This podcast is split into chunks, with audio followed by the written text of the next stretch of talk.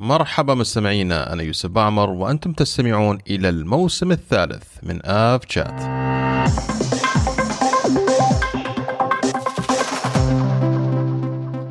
مرحبا مستمعينا في الحلقة الخامسة من الموسم الثالث من آف شات بودكاست. عدنا لكم بعد آه موسمنا الثاني من 30 ألف قدم اللي كان في شهر رمضان. أتمنى أو آمل جدا أنكم استمتعتوا بالحلقات والفقرات اللي قدمنا لكم في 30 ألف قدم بالتعاون مع أبو ظبي أيفيشن والضيوف المميزين جدا اللي كانوا معنا وأيضا الجوائز القيمة جدا اللي آه تم تقديمها للمستمعين. طبعا مستمعينا في الحلقة اليوم راح يشاركني زميلي أبو سالم. مساك الله بالخير أبو سالم. الله بالنور والسرور يوسف. أسعد الله مساك. ومساءك أسعد إن شاء الله تعالى وكيف الأحوال؟ والله طيبة الحمد لله ساكنة ومستتبة وكيف مرمول؟ والله الحمد لله أمورها طيبة. وعودا حميدا الله يسلمك. عودا حميدا بعد عودا حبيبي بعد الموسم ال- ال- الاستثنائي الموسم 30000 والأكثر من رائع نعم، الأكثر من نعم، رائع. أكثر من رائع. الله يسلمك. وكابتن عبده مساك الله بالخير. آه عبد الرحمن طالب طيران اللي ما عرفنيش قبل كده. إن شاء الله منضم لفريق افشات آه، من فترة قريبة والحمد لله آه، عملنا شغل كويس وإن شاء الله قدام آه، إلى الأفضل بإذن الله بإذن الله تعالى وكابتن زي ما أقول لك كل مرة في الخطوات الأخيرة إن شاء الله تعالى. مستمعينا في حلقة اليوم آه راح نتعرق على بعض أهم الأحداث اللي حصلت خلال الفترة الماضية. طبعا آه من أهم الأحداث اللي صارت الف- الف- الفترة الماضية آه معرض سوق السفر العربي لعام 2022 وكان فريق ابشات بودكاست موجود في المعرض بالإضافة إلى تطور كبير في المملكة العربية السعودية باعاده الهيكلة لقطاع الطيران في القرن 21 وبعض أهم الأخبار العالمية آه، في قطاع الطيران. وطبعا المعلومة في 90 ثانية لحلقة اليوم. فخلوكم على السمع راح تستمتعوا معنا إن شاء الله تعالى في الحلقة هذه اللي هي من أعداد أخونا محمد مهدي وأختنا ميثاء البلوشي. مستمعينا كالعادة أحب آه، أذكركم بأن بإم- بإمكانكم الاستماع للبودكاست على جميع منصات البودكاست من Apple Podcast، Google Podcast وغيرها. وأيضا جميع حلقات البودكاست أيضا موجودة على اليوتيوب. ابحث عن اف شات بودكاست راح تلاقي إن شاء الله جميع الحلقات موجودة على اليوتيوب. فاصل سريع آه شباب ونبدأ إن شاء الله مع عبده عن سوق السفر العربي.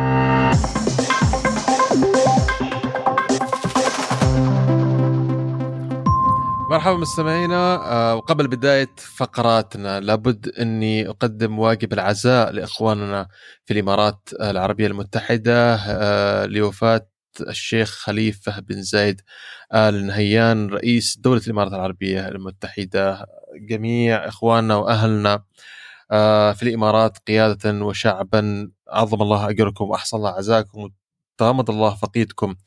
بواسع آه، رحمته يا رب العالمين واسكنه فسيح جناته. وخير خلف لخير سلف الشيخ محمد بن زايد بإذن الله تعالى آه، راح يكمل مسيرة البناء اللي بداها الشيخ زايد الله يرحمه ب- الله يرحمه. وإن شاء الله تعالى زي ما تعودنا الامارات بإذن الله تعالى من المعالي إلى المعالي بإذن الله آه تعالى. آمين يا رب رحمة الله عليه وتغمد روح الجنة وتعازينا لأهلنا وأخ- وأخواننا في دولة الإمارات العربية المتحدة الشقيقة. آمين. آمين آه، يا رب العالمين. آه طيب شباب أعتقد الخبر التالي اللي أو الم- الموضوع اللي راح نبدأ فيه حلقة اليوم هو أحد إنجازات الإمارات العربية المتحدة في على مستوى العالم آه سواء كان ال- ال- الجغرافيا المحلية العربية أو الجغرافيا العالمية. نتكلم عن معرض سوق السفر العربي اللي يعتبر واحد من أهم المعارض المختصرة المختصة بالسفر في العالم العربي. آه عبد الرحمن وعمران كنتم متواجدين في المعرض آه نيابة عن فريق آف شات بودكاست وحضرت وكنتوا موجودين في أول يوم من أيام المعرض. آه عبدو إذا تأخذنا في جولة معك آه كيف كان المعرض وإيش الأشياء اللي شفتوها والانطباعات والتصور المو... اللي- شفتوه في في معرض السفر العربي لعام 2022 السلام عليكم ورحمة الله وبركاته. طبعا أخوي آه، العزيز بسمندس يوسف المعرض كان بهجة مرئية ووعد برجوع صناعة ومجال الطيران والسياحة. الحمد لله المعرض كان آه، فيه العديد والعديد من الزوار. كان حتى صعب إن أنت تتمشى خطوتين من كثر الزحام. آه، كانت مشاركة فيه عدد من شركات الطيران وعدد من هيئات الثقافة والسياحة.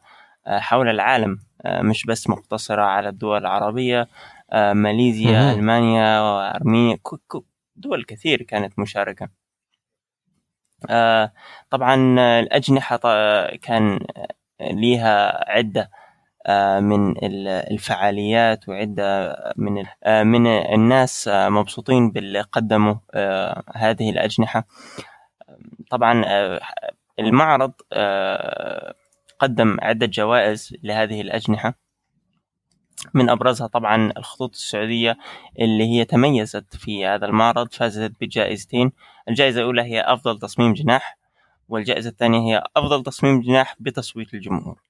آه، جناح السعودية أنا وعمران تواجدنا فيه وكان بصراحة شيء جميل جدا جدا. كان في كمية إبداع وكان في حتى طريقة لتوصيل المعلومات عن عن شركة الطيران وعن آه، إعادة الهيكلة بطريقة جميلة وطريقة متطورة. ما كان يعني مجرد ورق واقرأ الورق وخلاص.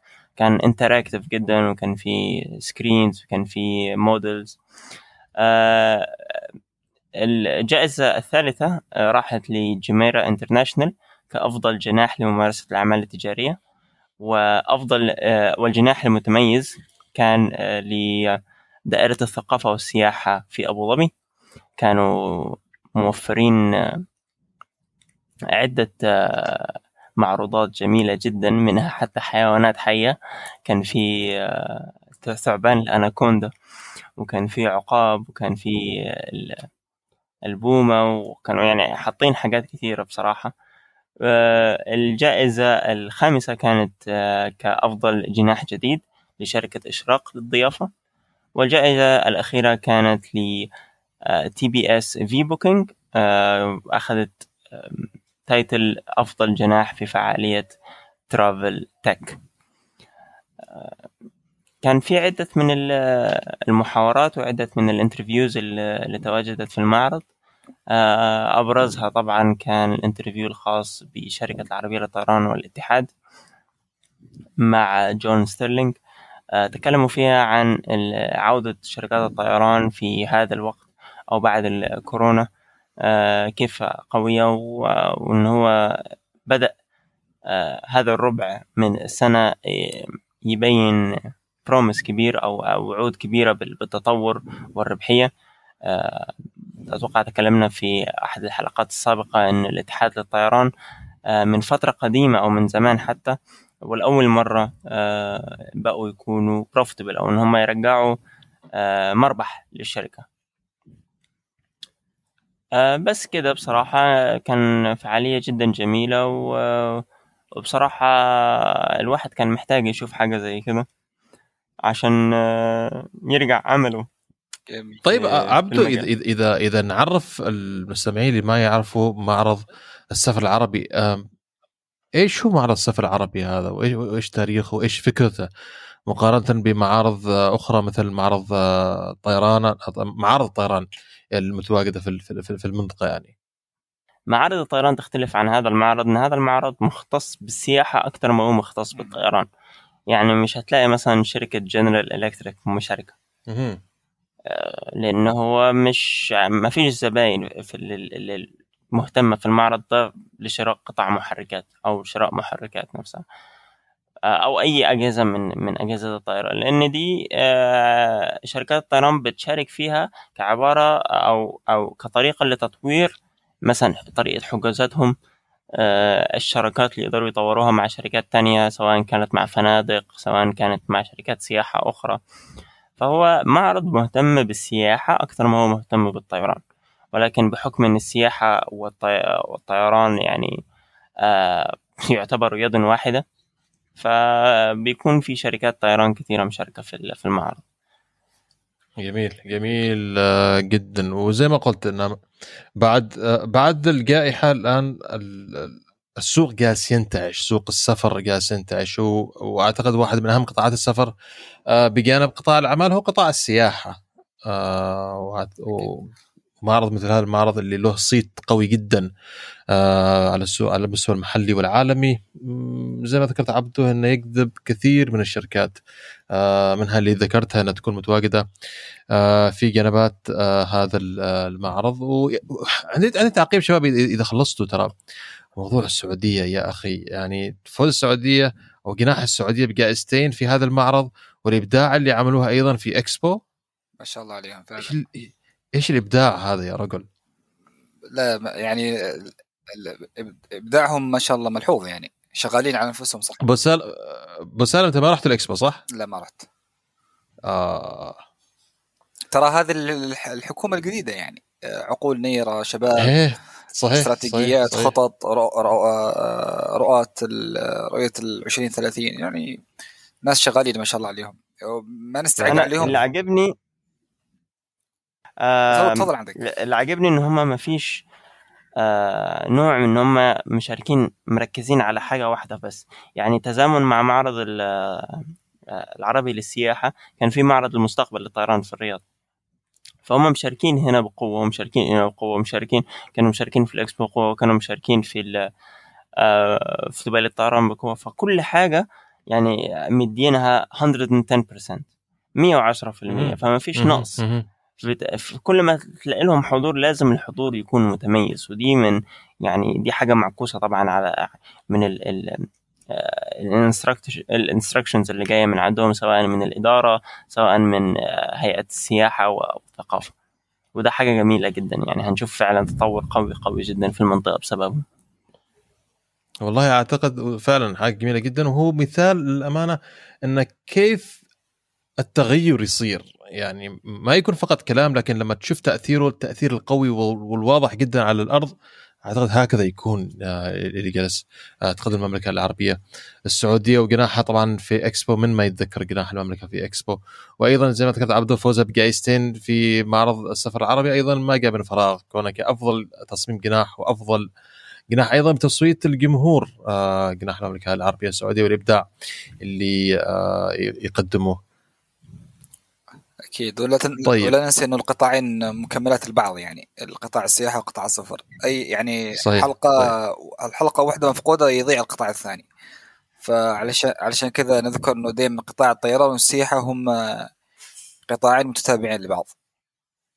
أتوقع أن ال- السعودية أبدت عن عن اهتمامها في في استقبال إكسبو 2030 إذا ما خاب ظني. نعم. صحيح. أعلنت المملكة العربية السعودية عن آه، عزمها لتقديم الطلب لاستضافة إكسبو 2030 يعني شوف للأمانة عبده لما لما لما آه، خلص إكسبو دبي لسان حالي كان يعني إيش يعني من راح يع- يوفرنا تجربة مشابهة أو مساوية للاكسبو ما كان في مجال أنك تفكر بمن مم- ممكن يتغلب على تجربة إكسبو دبي. لكن مجرد ما شفت الإعلان عن إن السعودية عند- عندها العزم إنها إنها تستضيف أو تقدم طلب استضافة عرفت إنها نحن أيضا إن شاء الله تعالى المملكه فازت فازت باستضافة اكسبو الاكسبو 2030 فاننا نحن راح نكون مع موعد خرافي جدا. أعتقد راح راح يكون أيضا إكسبو من الخيال تكملة للإبداع اللي شفناه في دبي. أعتقد راح يكون إن شاء الله تعالى في ال- في المملكة. آمين آمين. أكيد أكيد. طيب أعتقد آه، بكذا عبدو خلصنا. آه، فيما يتعلق بمعرض آه، السفر العربي. ننتقل لفقرة الأخبار شباب نشوف إيش اللي صاير في الدنيا. من هو خلصنا منها بس أنا ونزول. أحب يعني أشد على المتابعين أقول لهم ان إن كان تم تغطية كاملة على الستوري من قبل عمران كانت جميلة وجدا مفيدة. فلو حابين تشوفوا المعارض الجاية اللي هنحاول نغطيها فعلا حاولوا تشوفوا إن الستوري شاء الله. وتابعونا على الإنستغرام هيكون في طبعا دايما فعاليات. إن شاء الله تعالوا زي ما ذكرت تغطية المعرض سوق السفر العربي 20 2022 موجودة في حسابنا على الإنستغرام في الهايلايت آه، اللي غطيتوه أنت وعمران. يعطيكم الف عافية عبده وعمران على تغطية. ومستمعينا فاصل قصير. آه ننتقل إلى الأخبار العالمية والمحلية. خلوكم على السمع ونرجع.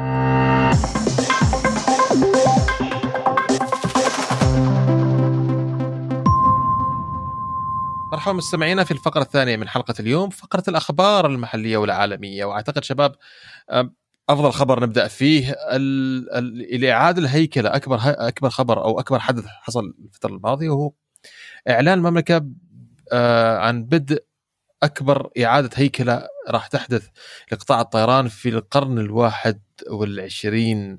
أعتقد تابعنا كثير من تابع التغطية اللي كانت عن طريق إخواننا في عشاق ما في في مجموعة عشاق عالم الطيران وإعلان مملكه عن تأسيس ناقل وطني جديد وأيضا الوصول إلى أكثر من 330 مليون مسافر بالإضافة إلى وصول لأكثر من 250 موجهه آه، وانها توصل آه، قطاع الشحن انه يوصل إلى إلى إلى مايلستون ل 5 مليون طن فأكثر آه، أيضا تكلموا عن استثمار ما يزيد عن 100 مليار دولار في هذا القطاع. فأعتقد قرار قوي جدا ونقلة راح تكون كبيرة جدا في سوق السفر في المملكة العربية السعودية. نحط في الحسبان أهم نقطة إن سوق المملكة شباب سوق نشط جدا. ولرغم وعلى الرغم من وجود عدة شركات طيران شركات طيران لا زال السوق في سعة وقرار على فكرة قرار المملكة لما سمعت القرار أول مرة انه, إنه راح يكون في هناك آه، آه، ناقل وطني جديد توقعت الموضوع إشاعة يعني مش بالعادة سهل انه يكون هناك ناقلين وطنيين في في في في بلد واحد فعلا. لكن لما دخلت أخذت تفاصيل قرأت تفاصيل تواز لك واو يعني فعلا إن إن قرار جاد وتشوف انه ممكن فعلا يؤتي أكله ونتائجه في سوق قوي جدا مثل سوق المملكة وخصوصا مع التوجه المملكة لرؤيتها 2030 آه، صحيح وده طبعا حاجة دايما هترجع في مصلحة المستهلك. يعني إحنا كان عندنا في منطقة الخليج عندنا أكتر من نقل آه، وطني عملاق منهم الإماراتية القطرية الاتحاد السعودية. فلما نزيد عليهم كمان جامبو أو super giant آه، في السوق. دي حاجة بتصب طبعا في مصلحة المستهلك. آه، غير كده آه، إن كان من عزم الرؤية أو هذا القرار إن هو إن السعودية تكون هب أو مركز في المنطقة للشركة للمسافرين بشكل عام سواء كانوا ترانزيت للشركات إلى آخره. فدي حاجة هتكون مش بس تطور على السعودية فقط لكن على المنطقة كلها كوطن عربي وكمنطقة الخليج و... ان شاء الله تعالى وطبعا ال geo ال geopolitical هذه الاشياء اشياء تساعدك يعني ال geography وموقعها الاستراتيجي في انها تعتبر السعوديه يعني في منتصف الخارطه الخارطه اللي هو نقدر نقول الخارطه الجغرافيه أو الخارطه اللي هو ال entrance of traffic يعني انه بين الشرق الأوسط وبين الجانب الغربي والشرقي. واساسا حتى السوق المحلي أو الطيران المحلي عنده ما شاء الله مكفيه وجدا ضخم يعتبر من أضخم وأكبر الأسواق المحلية في العالم. وأتوقع مثل ما ذكر إنه خط الرياض جده جده الرياض يعتبر من يعني من أكبر الخطوط في العالم اشغالا. يعني وهذه الأمور كلها عوامل مساعدة إنه بحيث إنه نحن معنا معاهم قاعدة جدا كبيرة يبنوا عليها آمال وطموحات وتطلعات جدا عالية. وأتوقع قبل فترة صرح أحد المسؤولين عندهم. هو أنا ما يذكرني اسمه. وكان جدا يعني شديد في اللهجة إنه في تطلعات وفي في في توقعات وفي أمور جدا راح تكون في لصالح المملكة في في قطاع الطيران وعالم الطيران. بالضبط أبو سالم أتفق معك 100% وأعتقد إحنا أيضا على أعتاب آه إن نشهد تطور آه جديد في قطاع الطيران. خلينا نقول على مستوى الشرق الأوسط آه والناقلات العربية آه على مستوى أيضا آه المنطقة الخليج بشكل أخص. آه ننتقل شباب من المملكة إلى أمريكا. عندي لكم ثلاث أخبار كذا على السريع عن بوينغ. يعني كان ودنا تكون في أخبار إيجابية عن بوينغ لكن شكل الموضوع شوية شوية يعني مطول آه معاهم. أول خبر أريد أبدأ فيه عن ال backlog آه لطلبات بوينغ. طبعا أعرف إن إن إشكالية الجائحة وإشكالية الماكس والأمور اللي صارت صار صار عندهم عند بوينغ تكدس للطائرات اللي لم يتم تسليمها ولما تاخر عن تسليم الطائرات عبدو إيش يصير؟ إن الشركات ترفع عليك قضايا. وأيضا بسبب حرب الروسية الأوكرانية هذه آه وضعت بوينغ في في في في وضع حرج جدا أدى هذا الشيء إنها إلى أن بوينغ تلغي تقريبا 141 طائرة من قائمتها يعني شطبتهم حرفيا بحيث إنه ما يكون هناك أي التزام إنه ما نقدر نسلم هذا الشيء وألغت آه، صناعة هذه الطائرات على الأقل في الوقت الراهن بحيث إنه ما يترتب عليها أي اجراءات قانونية. آه، هل الحرب الروسية الأوكرانية قاعدة تعمل backfire على الأمريكان؟ خصوصا مقابل الدعم الكبير آه، المقدم لأوكرانيا من طرف أمريكا إيش رأيكم شباب؟ أنا الصراحة السؤال ده يعني كبير علي يعني بعيد شوية يعني ما لناش دعوة يا يوسف. خلينا والله شوف شفت إزاي بسالم قالها باللهجة بتاعتي. مالناش دعوة يا عم الحاج سيبنا طيب. لا شوفوا هي ترى ترى الطيران. يوسف فعلا ترى هو الطيران يعتبر من الأدوات اللي يعني من الأدوات المهمة في في في في, في يعني في حيثيات الحروب. يعني صحيح. آه، عامل جدا حساس ومنطقي ولا تنسي إنه يعني آه، يعني أمريكا يعني أتوقع إنه روسيا تأثرت كثير في موضوع الطائرات المستأجرة والعقود وطلبات الطيران من بوينغ وإيرباص. فالقطاع المتاثرات ليش؟ وإغلاق الأجواء وإغلاق, وإغلاق, الأجواء نعم. وإغلاق الأجواء. طبعا روسيا من الدول اللي عندها كانت تتلقى الطائرات ولكن ب ب يعني بمساحة جدا محدودة. فالايروفلوت عندهم مشغل رئيسي وكبير عندهم وكل طائراتهم الايرباص والبوينغ.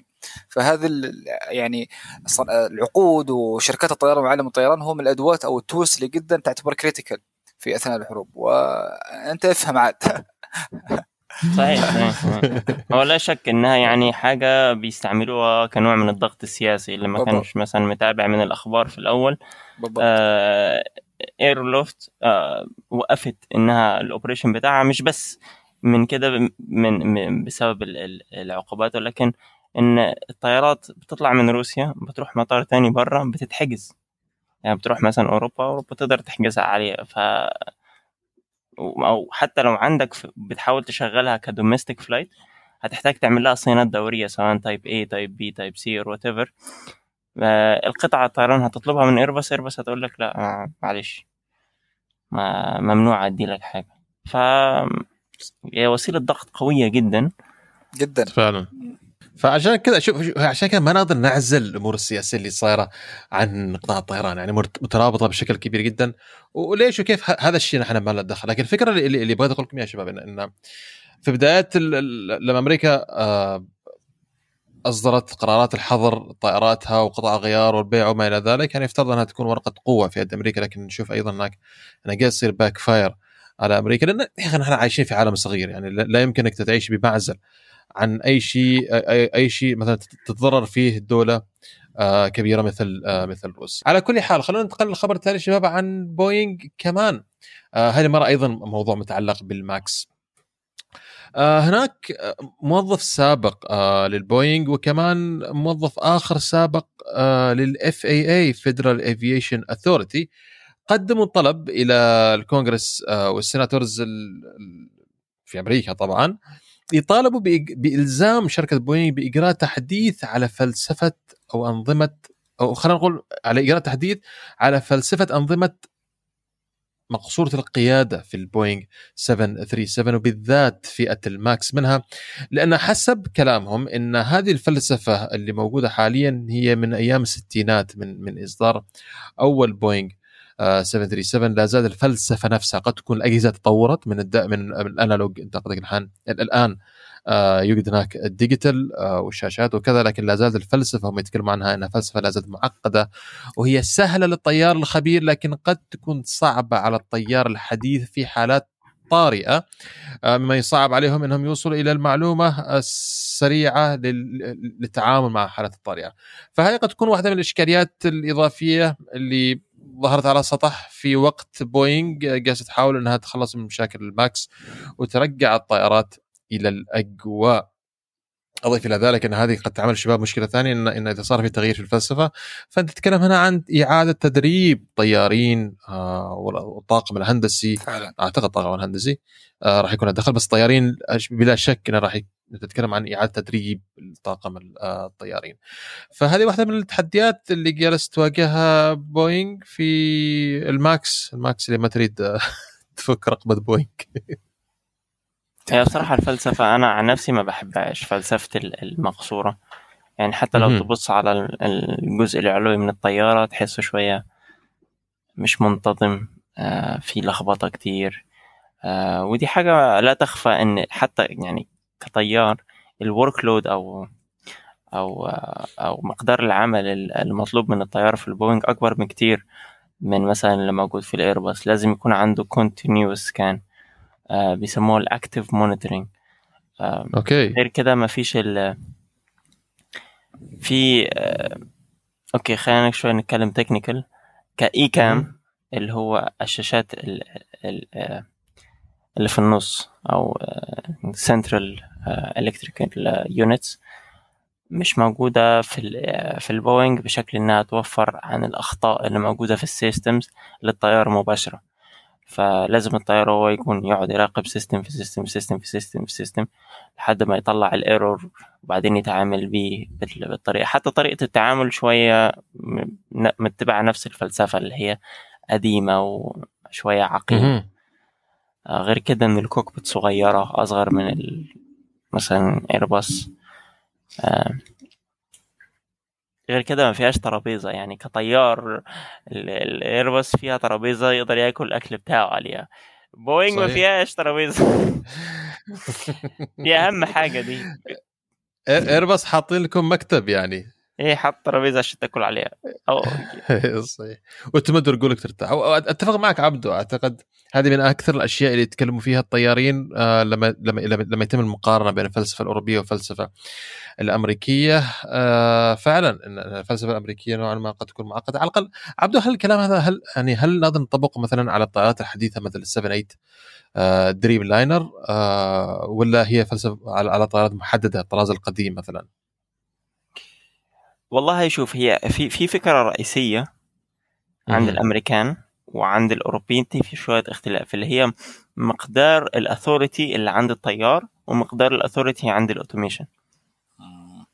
طيب دي دي نقطة الفيصل ولكن ك ك design interior design بيكون في آه نقاط مثلا صغيرة وكذا يعني مثلا آه ال yoke أو اللي هو يد التحكم في البوينج آه بتمتد لأرضية ال- المقصورة بين رجل ال- آه، الطيار صح؟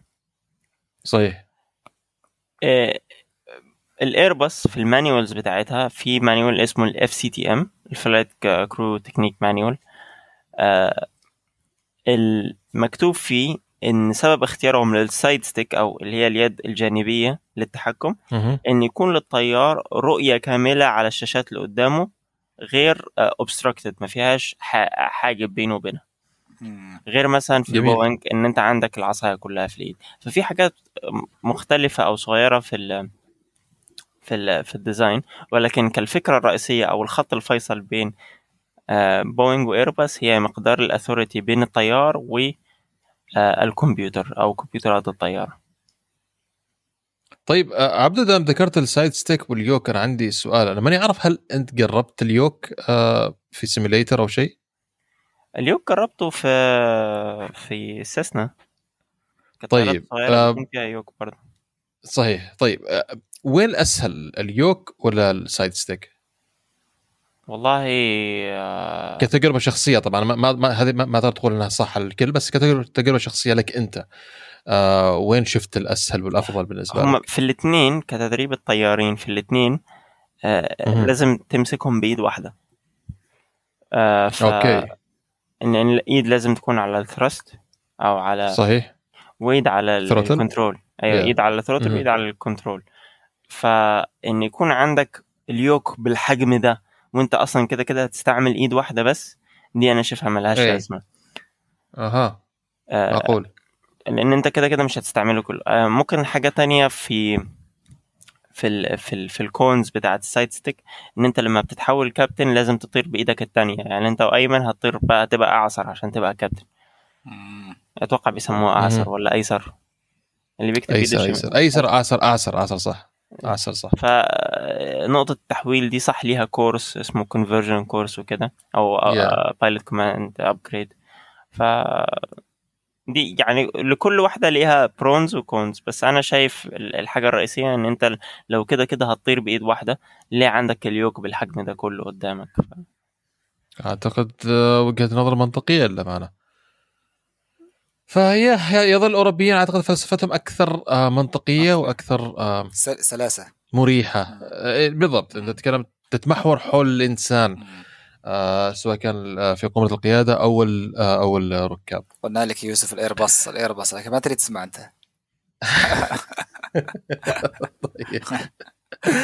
طيب خل... خل... خلوني أختم شباب بالخبر ال- في خبر كمان واحد من أمريكا كمان مع ال FAA تذكرون المواضيع اللي تكلمنا فيها عن تداخل موجات ال 5G مع أجهزة المطارات؟ آه، حيث أنه من المتوقع أن يلتقي مسؤولون من إدارة الطيران الفيدرالي لل FAA بأصحاب القرار في صناعة الطيران لمناقشة الأمور المتعلقة بشبكة الجيل الخامس وانه وفقا لرويترز تريد إدارة الطيران الفيدرالي من شركات طيران استبدال أجهزة قياس الارتفاع اللاسلكية للطائرات. آه عبده آه أعطينا النظر الله يخليك تع- بحيث المستمعين يعرفوا إيش هي أجهزة القياس اللاسلكية هاي للطائرات وكيف تشتغل. طبعا ال ال كل حاجة في الطيارة تقريبا بتشتغل بال بال radio magnetic waves.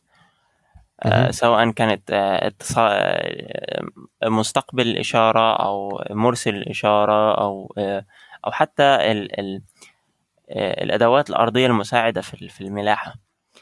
آه، طبعا كل جهاز الآخر ليه زي range أو ليه bandwidth بيرسل فيه. من مثلا 128 لحد مثلا 150 ميجا هرتز مثلا. فدخول الجيل الخامس كان حاجة شوية طفرة. الجيل الخامس لأنه أسرع فبيستعمل bandwidth أعلى شوية. فهيكون في interference بين ال أو هيكون في تداخل بين الإشارات بين آه، أجهزة البشر العادية كتليفون أو ك آه، آه، ك- أو ك يعني كتور الإشارة في في الأرض اللي هو بتاع الموبايل آه،. وأجهزة الطيران. آه، وده هيكون حاجة واضحة أكتر طبعا على آه، آه، الأجهزة المستعملة في في الهبوط. آه، لأن هو بي اللي هما الاثنين تقريبا بيشتغلوا على نفس ال يعني على على- على نفس ال على نفس ارتفاع الأرض. يعني مثلا مش هيكون في إيه. حاجة بينه وبين ال GPS لما الطيارة تكون فوق. يعني الطيارة هتكون فوق مش هيكون في interference عالي بس لما تكون الطيارة قريبة من الأرض هنا المشكلة مهم. الكبيرة اللي ممكن تحصل Yeah. ف آه، دي حاجة لازم تتحل طبعا آه، يعني هو في الأول كان بين ال 4G و... و... و... وجهازة الاتصال آه، بتاع الطيارة ما كانش في حاجة عالية مع إن كده برضو كان مع كل ما تطلع رحلة يقول لك لازم تقفل الموبايل لازم تقفل ال- ال iPad لازم تقفل whatever ما كانش التداخل قوي إن هو يشكل خطر بس دلوقتي بسبب الجيل الخامس بدأ إن هو ال- ال- التوتر شوية يزيد. لأن الجيل الخامس عبده آه، تشتغل على ترددات عالية جدا وهي نفس الترددات اللي تستعملها تقريبا وقريبه من الترددات اللي موجودة في الطائرة وتعمل ال interference التشويش آه، اللي صاير. فاعتقد واحد من واحد من القرارات المهمة اللي راح يتم تطبيقها في قطاع الطيران. ولتقليل آه، اشكاليه الجيل الخامس طبعا نستذكر بالذاكرة أن في بعض المطارات في أمريكا أذكر حتى تم ازاله فعلا آه، بعض أبراج ال 5 G اللي قريبة من المطار بحيث أنها ما تسبب هذه الإشكالية وزي ما ذكرت عبده تأثيرها يكون لما الطائرة تقترب من الأرض اللي هو في محيط مجال تغطية أبراج ال 5 G للهاتف النقال. حتى شباب ك 5 نعم. G هي ك 5 G هي ال frequency range مش عالي جدا. وهي الحل بتاعها بسيط يعني مثلا خلينا نتكلم على مثل على أرض الواقع شوية. لما تكون قاعد في مكتب مثلا ساعات بتلاقي عندك واي فاي 2.4 G وعندك واي فاي 5 G صح؟ حد شافها. مثلا قبل كده؟ الفرق بين ال 5 G وال 2.4 G إن إيه. ال 5 G أسرع بس أضعف. صحيح. إزاي؟ يعني مثلا لو بعدت عن الريسيفر هيبعد ف نفس الحاجة مع آه، الح- الحياة في الحقيقية إن هو يكون عندك عايز تكون لما أنت تكون كدولة ك- كمدينة عايز تحط أو توفر ال 5 G لازم توفر transmitters قريبين من بعض جدا. يعني بدل ما كان مثلا كل كيلو عندك tower واحد كبير اللي هم بتوع ال four G لأ لازم تحط فوق كل سطح بناية transmitter واحد. عشان إيه الإشارة تفضل قوية. من ده يرسل لده يعزز الإشارة يرسل لده يرسل لده. فالاشاره تتعزز. فالحل ده مش معناته إن إحنا هنخسر 5 G عشان نخلي الطيران. لأ إحنا هنخسر 5 G حول أماكن المطار. يعني هيشيلوا ال transmitters من حوالين أماكن المطار عشان نوفر safety زيادة. ولكن ده مش معناته إن إحنا هنفضل في تكنولوجيا 4 G طول حياتنا. بالضبط. تصليح الأجهزة زي هذه هي يعني تطور طبيعي آه لهذا المجال. تفضل أبو سالم كان عندك تعقيب. حتى بعض بالبداية لما صارت التخوفات هذه لأنه أتوقع كان في رحلة كان في عندها خلل في ال altimeter readings أو شيء كذا. فبعض الشركات الطيران تحسبا لهذه الأمور حتى يعني يكون في recommendation letters أو مثلا توصيات مقننة من من الجهات المختصة في في الشركات الطيران والمطارات والجهات المخولة للاتصالات إنه يتم في إصدار يعني آه، مذكرة واضحة. فذكر في بعض شركات الطيران ألغت رحلاتها مثلا إلى أمريكا وعدة دول في أوروبا إلى ما يتم هذا وخلاص أتوقع الموضوع صار خلاص يعني منتهي يعني. الأمور رجعت إلى مستتبة إلى طبيعتها. أظن ذلك نعم. أظن ذلك. فيا كانت هذه مجموعة الأخبار اللي اللي آه، كانت عندي. فمن منكم الآن بيستلم الدفة؟ آه نبدأ. استلم الدفة منك يا يوسف. وذكرت أنت البوينغ. نذكر إحنا حليفنا الحين أنا وعبد الرحمن. ولا إيش رأيك عبد الرحمن؟ طبعا نذكر العدو. نذكر العدو أو نذكر المنافس. يعني خلينا نكون شوي إيجابيين. على الأشياء اللي ذكرها ذكرها يوسف وذكرناها في حلقات سابقة وأتوقع ما تخفى على الجميع التعثرات أو أقول لك تعثرات العقبات اللي واجهتها بوينغ. صارت فرصة أو غنيمة للمنافس الآخر اللي هي إيرباص. طبعا الايرباص كانت في 2000 و 2021 وإلى 2022 هي المهيمن في سوق الطيران في ما شاء الله عدد الطلبيات وإلى آخره. طبعا أكدت بتصريح رسمي إنه آه، تهدف ايرباص على زيادة إنتاج طائرات الايرباص 320 نيو بنسبة 50% بحلول 2025 يعني الضعف تقريبا. زين طبعا أكدت عزيمتها بحيث إنه ينزل يعني يزيد إنتاج الشهري لطائرات الايرباص 320 إلى 75 طائره شهريا. طبعا يعتبر رقم جدا كبير ولا إيش رأيكم؟ والله جميل جدا شهريا لما تنتج مصنع بحجم ايرباص ينتج 75 طائره هذا يعتبر تحدي جدا كبير أي بمعنى إنه يعني حاليا وصلت يعني في الوقت الحالي أو في نقدر تقول في 2021 آه كان الإنتاج الشهري إلى الايرباص ال 320 طائرة 320 في الشهر تقريبا من 45 طائرة إلى 50 طائرة كأفريج يعني. فال في صيف يعني الهدف الآن في صيف 2023 اللي هو السنة القادمة إنه يزيد ل 65 طائره وإلى نهاية 2025 إلى 75 طائره طبعا هذه تأتي إلى كلام كبير. آه، وتأتي إلى الأوضاع اللي صارت مع البوينغ وتحويل الطلبيات من بوينغ إلى الإيرباص بعض بعض شركات الطيران وإلى الطلب العالي ما بعد الجائحة. طبعا الطلب للسفر مثل ما يخفى على الجميع إنه صار متسارع ومتنامي بطريقة جدا جدا كبيرة. صحيح صحيح. وطبعا يعني الجميل في الأمر إنه الايرباص يعني لما لما تحط خطة يعني يعني تكون ما شاء الله في في في, في البوينت يعني في الدقة. يعني من 45 طائرة إلى 75 طائرة في خلال ثلاث سنوات أنا أشوفه قفزة جدا جدا كبيرة. ولكن عندهم تحدي. تحديهم هم مع الموردين. طبعا مثل ما تعلموا هي نقاط تجميع ومصانع ومحركات وهياكل وأمور كثيرة مثل يعني ما ندخل فيها ان يعني ولكن مشكلتهم مع الموردين إنه الموردين عانوا في أزمة إنهم في أثناء الجائحة آه، تم تسريح عمال ومشاكل صحيح. مشاكل الكوفيد اللي أنتم عارفينها يعني. فكانوا نوعا ما ال supply chain بالضبط. بالضبط. ال supply chain وال logistic فهذه المشكلة كانت عندهم صحيح. وفي ال manpower نفس الطريقة. فالمشكلة إنه ما بعد يعني قبل pre قبل الجائحة ما بعد الجائحة صار عندهم تقدر تقول في معاناة في موضوع ال supply chain فهذه مشكلتهم إنه يعني جاهم نقدر تقول إنه تصريحات أو أو أو أو يعني مثل نقول إنه الموردين ما قادرين إنهم يوفوا أو يعطوهم المواعيد أو العقود المؤكدة إنه نحن نقدر نوفر لكم هذا العدد من من القطع أو من القطع الغيار أو من الهياكل أو إلى آخره. ولكن يحاولون من وإلى إنهم إن شاء الله يكونوا على قد على قد الخطة. والخبر الأجمل يا يوسف إنه ما شاء الله في الربع الأول من هذه السنة ربح ايرباص وصل إلى 1.3 بليون بزيادة 273% مقارنة بنفس الفترة في العام الماضي. يعني أكيد. يعني ما شاء الله يعني حاجة خرافية يعني. يعني نقول لك ضعفين ونص ما شاء الله في نفس الفترة السنة الماضية وعلى على على أثر الطلبيات اللي حاصلة معاهم. صحيح. وما شاء الله في أول ربع من هذه السنة سلمت ايرباص 142 طائرة. لعملائها و75% من هذه الطائرات هي من عائلة ال 320 فهنيئا للايرباص وإن شاء الله من تقدم إلى تقدم ولا جديد عليهم يعني.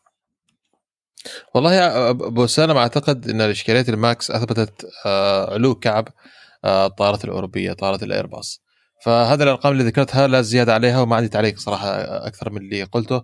وطبيعي جدا ان انها إن نسمع بهذه الأرقام. آه، الإيجابية. سواء كان للي تعملوا ايرباص وخصوصا ان بعد الجائحة. طبيعي أيضا النمو يرجع بالطريقة هذه. فيا الخطه هذه اللي خلال سنتين ثلاثة خطه جريئه جدا لكن أيضا اشوفها أنها قابلة للتحقيق بشكل آه، كبير. أكيد أكيد بإذن الله. ولا ننسى إنه تركيزهم ما شاء الله على 320 هو التركيز الأعمق والاكبر فيها. ورغم إنه كان يعني مشان نمر عليها سريع كان عندهم في تأخير في طلبية العائلة الجديدة من 321 XLR طبعا تكلمنا عنها في حلقات سابقة اللي هي الطائرات اللي تعتبر ال mid range أو الطائرات المتوسطة المدى اللي هي ضيقة البدن. كان في عندهم مشاكل في الخزان الرئيسي للوقود وتأجيل تأجلوا الطلبيات ال 321 XLR إلى آه نهاية 2024 هي كانت مفترض أنها تدخل الخدمة في 2023 فتم تأجيلها سنة. تحسبا للأمور اللوجستية هذه. ولكن هذه تعتبر فقط العرقلة الوحيدة معهم إيرباص حاليا وبيحاولوا إن شاء الله يتداركوها. بحيث إنه ما يدخلون في معضلة ال ال إنهم طائرة تتوقف تدخل إنها تكون grounded بسبب technic وكذا فهم يريدوا يعني ما تدخل الخدمة إلا وهي يعني جاهزيتها 100% ومثل ما ذكرت إنه ما شاء الله الربح اللي صار 237% مقارنة بالعام الماضي يعتبر يعني ما شاء الله قفزة جدا جدا كبيرة. البونس ما شكله محترم يوسف. إيش رأيك عبد الرحمن؟ يستاهل يستاهل يستاهل نعم. هنيئا لهم إن شاء الله ومن تقدم إلى تقدم بإذن الله. إن شاء الله تعالى. طبعا ما طيب. ننسي إنه مشكلتهم مع القطرية هذه مشكلة جدا عالمية بحيث إنه حتى هم موضوع أعطينا حقه أيوه أعطينا هذا وربحوهم القضية وما شاء الله على قدم وساق. يعني. بالضبط. طيب. الخبر الثاني آه، طبعا تعاني بعض المطارات أو عملية الطيران في دول أفريقيا آه، بنقص آه، كميه الوقود أو الخزانات أو الستوكات الوقود الطائرات وتعكس هذه الإجراءات يعني أزمة أزمة جدا كبيرة عندهم في إمدادات الوقود الإقليمية اللي تسببت في العديد من المشاكل في بعض شركات الطيران أدت إلى بعضها إلى إلغاء رحلات قدوة رحلات تاخير رحلات و... وتعود هذه الأسباب إلى اسباب البنية التحتية وأسباب اللي هو سبب رئيسي اللي هو الحرب الروسية الأوكرانية اللي أثرت بشكل جدا كبير في أسعار النفط في العالم وامدادات النقود إلى بعض بعض امدادات الوقود إلى بعض الدول الأفريقية ودول العالم. آه، أعتقد أبو سلم آه، خلينا نقول يعني الدول الأفريقية أكثر تاثر آه، من دول العالم. أعتقد للظروف السياسية والاقتصادية بالضبط. اللي موجودة عندهم. فعشان كذا نشوف الخبر هذا زي ما ذكرت الحين في زيمبابوي الإشكال اللي صايره قد تكون غريبة نوعا ما في الوقت الحالي مع عودة النمو حركة الطيران لكن كونها نتكلم في دول أفريقية أعتقد طبيعي جدا نسمع من هذه الأخبار. لكن نأمل لهم إن شاء الله تعالى النمو وإنهم يرجعوا إلى ما كانوا عليه افضل إن شاء الله. بإذن أي أي تعقيب عبدو ولا؟ لا والله ما شاء الله يعني أبو سالم يعني أدانا حاجة مشملة يعني ما شاء الله. أتكلم عن القطرية وأتكلم هنا وأتكلم هنا يعني ما شاء الله ربنا يبارك فيك. جزاك ربنا يديك الصحة. كل كل سنة أنت بخير. وأنت بخير يا حبيبي. أنت باين شكلك نمت وصحيت دلوقتي. لا لا والله. لا لا قصدي على خبرين يعني ما شاء الله اديتنا إجابة مشملة. الأخبار التالية وهي أخبار يعني تعتبر إيجابية وهي متشابهة نوعا ما إنه يعني نحن نقدر نقول يوسف إنه نحن خلاص في تعافي تام من بعد كورونا يعني ما راح نذكر كورونا مرة ثانية أتوقع خلاص. انتهى الأمر. عسى عسى من الله عسى من. الله. آه طبعا من الدول اللي تأثرت في أثناء الأزمة هي جمهورية الهند. طبعا كان في عندهم إغلاقات تامة وتسكرت مطاراتها بشكل يعني تام ونهائي. ومنعت كثير من الدول في المنطقة في الشرق الأوسط وأوروبا إنه رحلاتها من وإلى جمهورية الهند. ولكن الحمد لله بعد ال- العودة الطبيعية في العالم وحركة الطيران رجعت إلى ما هي عليه. وأفضل وطلب السفر زاد إلى ما شاء الله معدلات نمو جدا كبيرة. سجلت حركة المرور الجويه آه، الهندية نموا بنسبة 83% في شهر أبريل. طبعا أكدت يعني هذه التقارير تصدر من وكاله التصنيف في الهند أو الهيئات العامة للطيران المدني إنه ال- الح- الحركة القوية اللي هي نحن نعرف إنه ال air space ما شاء الله الهندي يعني ما شاء الله يعتبر من من يمكن من أكبر المجالات القوية بحيث إنه تربط ما بين ال ال ال- الشرق آسيا وأستراليا إلى الشرق الأوسط وأوروبا. إضافة إلى ذلك إنه حتى حركة الركاب ارتفعت بأكثر من 80% مقا... في يعني في إبريل في شهر إبريل فقط مقار... بنفس الفترة في 2021 اللي هو ال- العام الماضي طبعا ال- ال- ال- الهامش الم- ال- المقارني هذا هو زاد ولكن ما نفس 2000 2019 طبعا 2019 كانت سنة استثنائية. ولكن بشكل عام الزيادة هذه 80% تعتبر يعتبر رقم جدا ما شاء الله كبير. وسجلته جمهورية الهند في شهر واحد في شهر اللي هو شهر أبريل فقط. شاء قرب قرب ابو سالم بالضبط، قرب مش. جمهوريه وعدد المسافرين وصل إلى 10 مليون. مسافر في شهر واحد فقط يعني تخيل في ابريل ما شاء الله 10 عجيب. مليون يعتبر يعتبر جدا رقم جدا قوي وكبير صحيح. وطبعا ما شاء الله قطاع الطيران ال- الداخلي عندهم أو ال domestic market عندهم يعتبر من من أقوى الأسواق العالمية ووصل. وما, وما شاء الله وصل ال load factor عندهم إلى آه، طبعا إحنا ذكرنا ال load factor اللي هي نسبة الإشغال المقعدي اللي في الطائرة إلى 88% آه، أخبار كلها إيجابية على جمهورية الهند. آه، طبعا آه، متوقعين إنه الحركة هذه تزيد إن كانت على حركة أرضية أو حركة حركة المرور أو ال traffic ال air traffic management. الخبر التالي نفس الطريقة هي مطار حمد الدولي. طبعا مثل ما يخفى عليكم إنه مطار حمد يعتبر من يعني المطار الأول عالميا ومن أفضل المطارات في العالم وجاهزيته الآن إلى استعداد كأس العالم تعتبر يعني واضحة ومرئية ما شاء الله عليهم بال... مع شريكهم الاستراتيجي اللي هو شركة الخطوط القوية القطرية. طبعا ما شاء الله آه، صار يعني في 2022 زه يعني شهد زيادة في حركة الركاب بنسبة 162% نحن ما شاء الله اليوم أرقامنا كلها أضعاف فوق ال 100 يعني. زين. طبعا آه، بشاير خير معك أبو سالم. بالضبط. صرح ال- الرئيس التنفيذي لهيئة اللي هو حمد international airport أو مطار حمد الدولي آه، الأستاذ بدر المير إنهم جاهزين كل مش مش مش صديق عبده يعني الأكبر الباكر؟ لا لا اكبر باكر هذا airline يعني. زين آه، طبعا صرح ال- طبعا هم شركاء استراتيجيين ما يستغنون عن بعض يعني أكيد، هم كلهم أكيد، مكملين أكيد، للثاني. أكيد آه، حتى يقال إنهم هم أساسا ال- الراسماليه تعتبر شركة واحدة ولكن بس. آه، يعني تنظيميا تنظيميا تنظيميا لا. لا يجب أن يكونوا مستقلين. فأعلن آه، الرئيس التنفيذي لمطار حمد الدولي الأستاذ بدر المير إنهم جاهزين يعني جاهزين بجاهزية يعني بيتم الاستعداد لاستقبال كأس العالم فيفا 2022 وزادت يعني ما شاء الله عندهم مثل ما ذكرت إنه النسبة آه، نسبة المسافرين عندهم في الربع الأول من 2022 إلى 162% مقارنة بالعام الماضي بنفس الفترة. طبعا سجلوا 7.14 مليون مسافر يعني تقريبا 7 و200 7 و200 ألف و750 ألف مسافر في الربع الأول. عجيب أيوه عجيب. مقارنة بالعام مثل ما ذكرت اللي هي زيادة قدرت 162% ولا ولوحظ إنه ما شاء الله المطار نسبة الإشغال في المطار كانت جدا عالية وتحليله إنه يتم هذا الاستعداد اللي لعام حافل مع اقتراب نهائيات آه، كأس العالم 2022 وعودة جدا هائلة في الطلب على السفر الترفيهي اللي هو ال leisure traffic أو ال leisure travel آه، منه إلى دول العالم. وطبعا آه، القطرية كانت هي يعني مطار حمد يعتبر hub جدا مهم ورئيسي في في العالم في العالم إنه يربط بين القارات والدول. وإن شاء الله ما عليهم خوف يعني. أخواننا في مطار في دولة قطر ومطار حمد هم راح يكونوا إن شاء الله على أتم وأكمل الاستعداد لاستقبال كاس العالم. وما دام إنه نحن ما شاء الله في الربع الأول وصلنا إلى إلى مثلا ما شاء الله 7 مليون مسافر. فأتوقع على نهاية هو كأس العالم في نوفمبر وديسمبر صح يا يوسف؟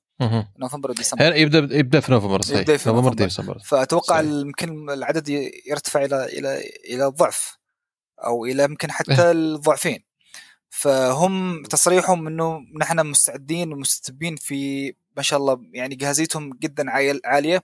حتى القطرية ما شاء الله الشركة الاستراتيجية لهم مستعدين جدا بحيث إنهم آه، رغم التعثرات اللي صادفتهم على ال 350 وإلى آخره ولكن آه، لقوا إلى إلى شركائهم في طيرانات التحالف اللي هو ون وورد واستاجروا طائرات من بعض شركات الطيران وبيحاولوا إنهم يعني يتداركوا أو يديروا هذه الأمور بحيث إنهم يكونوا على جاهزية تامة بإذن الله. ومثل ما ومثل ما تعرفون إنه ما شاء الله يعتبر مطار حمد سادس أكبر مطار في العالم للمسافرين الدوليين. والمطار الأول عالميا ما شاء الله من حيث الافضل كأفضل مطار في العالم فهذه كلها أمور ما شاء الله يعني تعتبر كدت لدولة قطر وهنيئا لهم إن شاء الله وبإذن الله إلى العالمية دائما. إن شاء الله. الخبرين التاليين اللي هو بعض الدول كانت متاخره إنها ترجع إلى طبيعتها من بعد الأزمة ففي الأول من هذا الشهر مايو بعد توقف دام عامين عاد الطيران الاماراتي للوجهه السياحية الشهيرة اللي هي جزيرة بالي حيث سيتم تشغيل المسار بواسطة طائرة البوينغ تربل 7 وبمعدل خمس رحلات اسبوعيا. ممتاز. وكذلك نيوزيلندا. طبعا نيوزيلندا ما كانت نفس الطريقة من الدول اللي كانت آه، يعني متشددة جدا في إنها تعيد آه، أدراجها إلى إلى إلى إنها تفتح أبوابها للسياحة. ولكن نفس الطريقة بعد عامين أصبحت آه، نيوزيلندا مفتوحة مرة أخرى للزائرين من نفس الطريقة من الأول من مايو من هذا الشهر ويمكن المسافرين من 60 دولة معفاه من التاشيره هذه نفس تعتبر من التسهيلات اللي فتحها نيوزيلندا بحيث ترجع أبوابها إلى السياحة. والخبر الأخير الإيجابي نقدر نقول نحن جدا يعني فخور مش فخورين مرتاحين إنه أوروبا في أوروبا الكمامة لم تعد إلزامية في المطارات ولا الرحلات الجوية اعتبارا من الأسبوع المقبل كما أعلن الاتحاد الأوروبي الأربعاء الماضي إنه تم التحديث في هذا التغيير في أحداث إصدار من الدليل السفر القوي. آه والحمد لله مثل ما يقول نحن عندنا في في عمان غاب الشر. الحمد لله الحمد لله, الحمد لله. عبدو أعتقد الفقرة الأخيرة من الاخبار معك إيش رأيك؟ إي آه إن شاء الله آه بسم الله الرحمن الرحيم الأول لازم نتكلم على إيه؟ على مصر الطيران مصر الطيران للشحن الجوي تنجح في الحصول على شهادة أيات لشحن الأدوية شديدة الحساسية دي طبعا حاجة جميلة في خصوص الزمن اللي إحنا فيه إن إحنا يعني آه، إن, إن شركة طيران في المنطقة تقدر إنها توصل الأدوية سواء كانت أدوية للكورونا أو للأمراض التابعة للناس اللي عندهم مناعة ضعيفة ودي حاجة جميلة آه بالنسبة لنا كلنا. آه الخبر اللي بعد كده خطوط السعودية ودائرة دبي للاقتصاد والسياحة توقعان اتفاقية للترويج السياحي في معرض سوق السفر في دبي. دي حصلت في الدور الثاني من المعرض. آه كنا مدعوين ليها إحنا عشان إحنا كان عندنا ال media badge بس كانت كان كانت في يوم تسعة ويوم تسعة آه خمسة للأسف ما قدرناش نوصل ف للأسف فاتتنا حفلة التوقيع بس يعني كانت حاجة جميلة جدا إن خ... إن نشوف بقى في ترابط اقتصادي و آه، طوا يعني ك... يعني ك... آه، مرابط أقوى بيننا آه، بين الجهات في هذه المنطقة. شركة الطيران الثالثة اللي نتكلم عليها برضو في السعودية. طيران الناس يعلن عن ثلاث شراكات لشراء وإعادة تأجير 14 طيارة بقيمة 6.6 مليار ريال ضمن مشاركته خلال مؤتمر مستقبل الطيران. آه دي حاجة جميلة إن نشوف إن إن مفيش طيارة بتقعد على الأرض هي تتأجر يا تشتغل. فحاجة جميلة جدا إن إن الفلوس رايحة جاية وفي ركاب وكده. آه طيران الإمارات أفضل ناقلة جوية في العالم. ده اللي تتوجد به طبعا حاجة مش غريبة يعني. آه توجت باللقب ده للمرة التاسعة على التوالي طبعا في حفل توزيع جوائز Business Traveller Middle East نال طيران آه طيران الإمارات أيضا جائزة أفضل درجة سياحية ممتازة وده طبعا آه حاجة آه لسه عارضينها اللي هي ال premium economy وأفضل درجة سياحية عادية وأفضل برنامج آه مسافر دائم. طبعا عندهم ال Skywards جميلة جدا. لو حد فيكم مش مشترك فيها أنصح مية في المية بالاشتراك فيها لأن لها فعلا rewarding جدا. وخصوصا هنا في الإمارات حتى عندنا ال credit cards وإلى آخره بتديك miles ف لو هتشتري سيارة جديدة مثلا أنت اشتريتها بال credit card هتاخد عليها بتاع عشرين ألف mile فاهم؟ yeah yeah. فحاجة جميلة جدا ممتاز ممتاز ممتاز جميل جدا دلوقتي هنروح على رابع شركة طيران وهي في الجزء الآخر من الوطن العربي الخطوط الملكية المغربية توقع شركات آه شراكة بالرمز مع طيران الإمارات يعني سبحان الله إن أنت تشوف آه يعني شراكات من من من from the far east to the far west آه من صحيح. الوطن العربي من الشرق للغرب. وده يبين بس يعني كمية آه التعاون آه، اللي بيننا. آه، طبعا أعلنت الخطوط الملكية المغربية عن توقيعها بدبي اليوم الثلاثاء.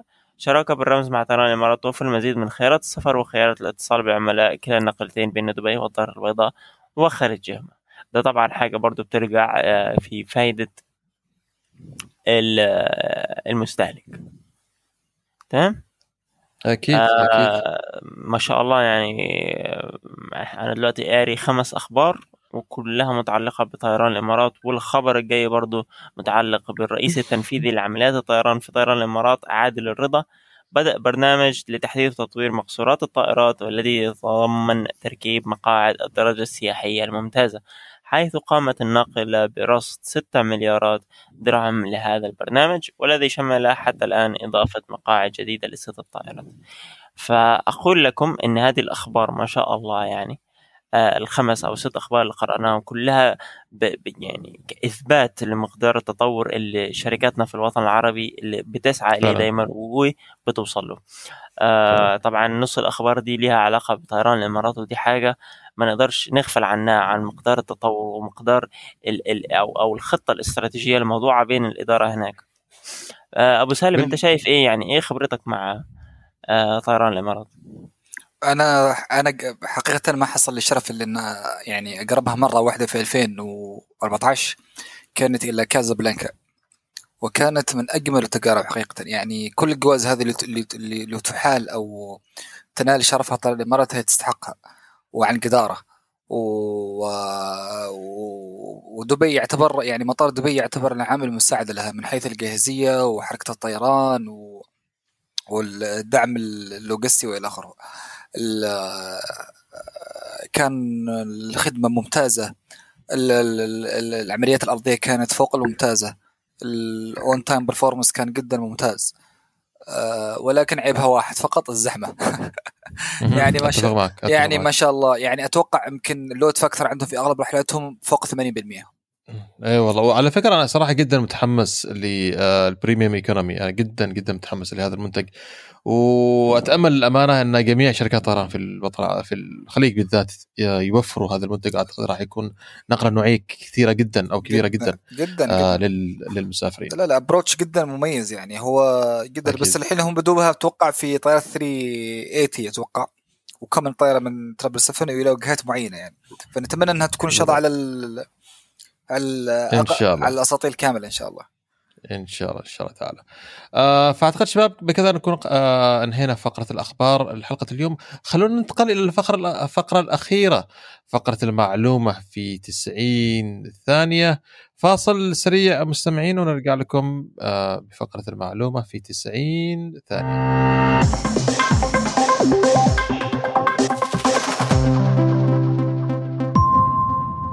وقود الطائرات. معلوماتنا لهذه الحلقة سوف تكون حول وقود الطائرات. هناك أنواع عديدة من الوقود المستخدمة في الطيران حيث يختلف نوع الوقود من طائرة إلى أخرى. يختلف الوقود تبعا لنوع المحرك الموجود على الطائرة حيث يختلف وقود الطائرات الخاص بالمحركات المكبسية ووقود الطائرات التربونية. بصورة عامة هناك نوعان أساسيين من الوقود. النوع الأول هو الأفغاز وهو الوقود الذي يستخدم في المحركات المكبسية أو البستن انجنز وهو أيضا يقسم إلى عدة أنواع منها الأفغاز 100 والأفغاز 100 LL وأفغاز 115 حيث يختلف كل نوع عن الآخر ببعض المواصفات. أما النوع الثاني من الوقود هو الكيروسين jet fuel والوقود الذي يستخدم في المحركات التربينية jet engines أو turbine engines وهو أيضا يقسم إلى عدة أنواع منها jet A و jet A1 و jet B ويختلف كل نوع عن الآخر ببعض المواصفات.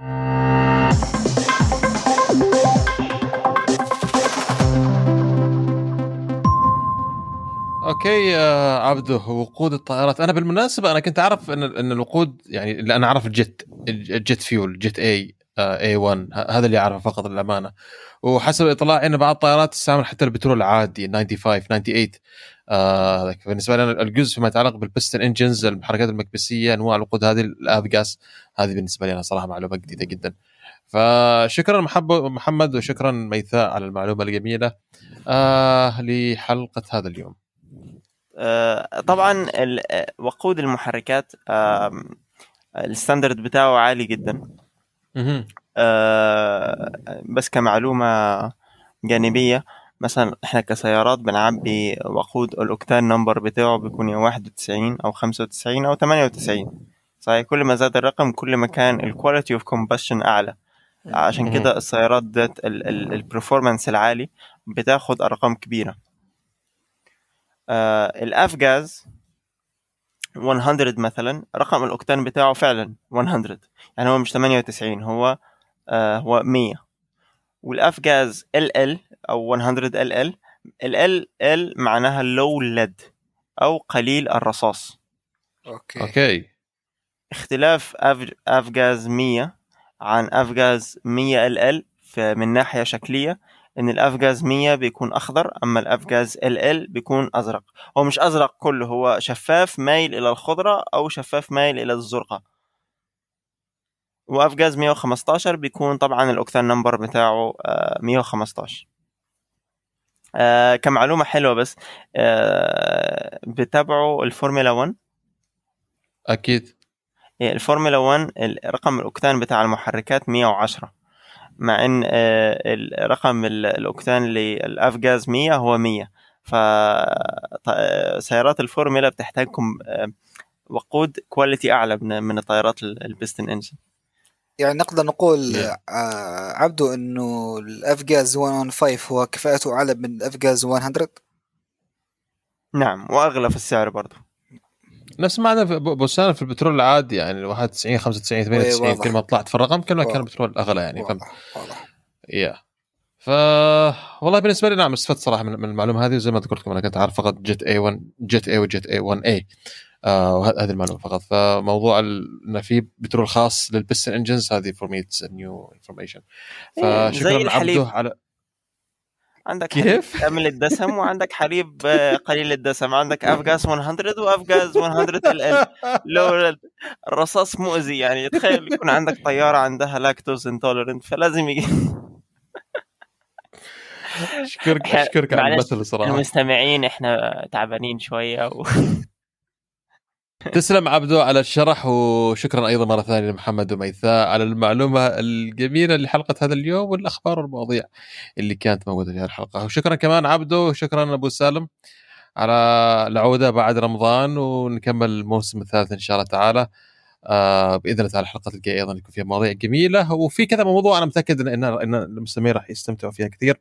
فإن شاء الله تعالى خلوكم على السمع ونلقاكم في الحلقات الجاية من آب مع السلامة.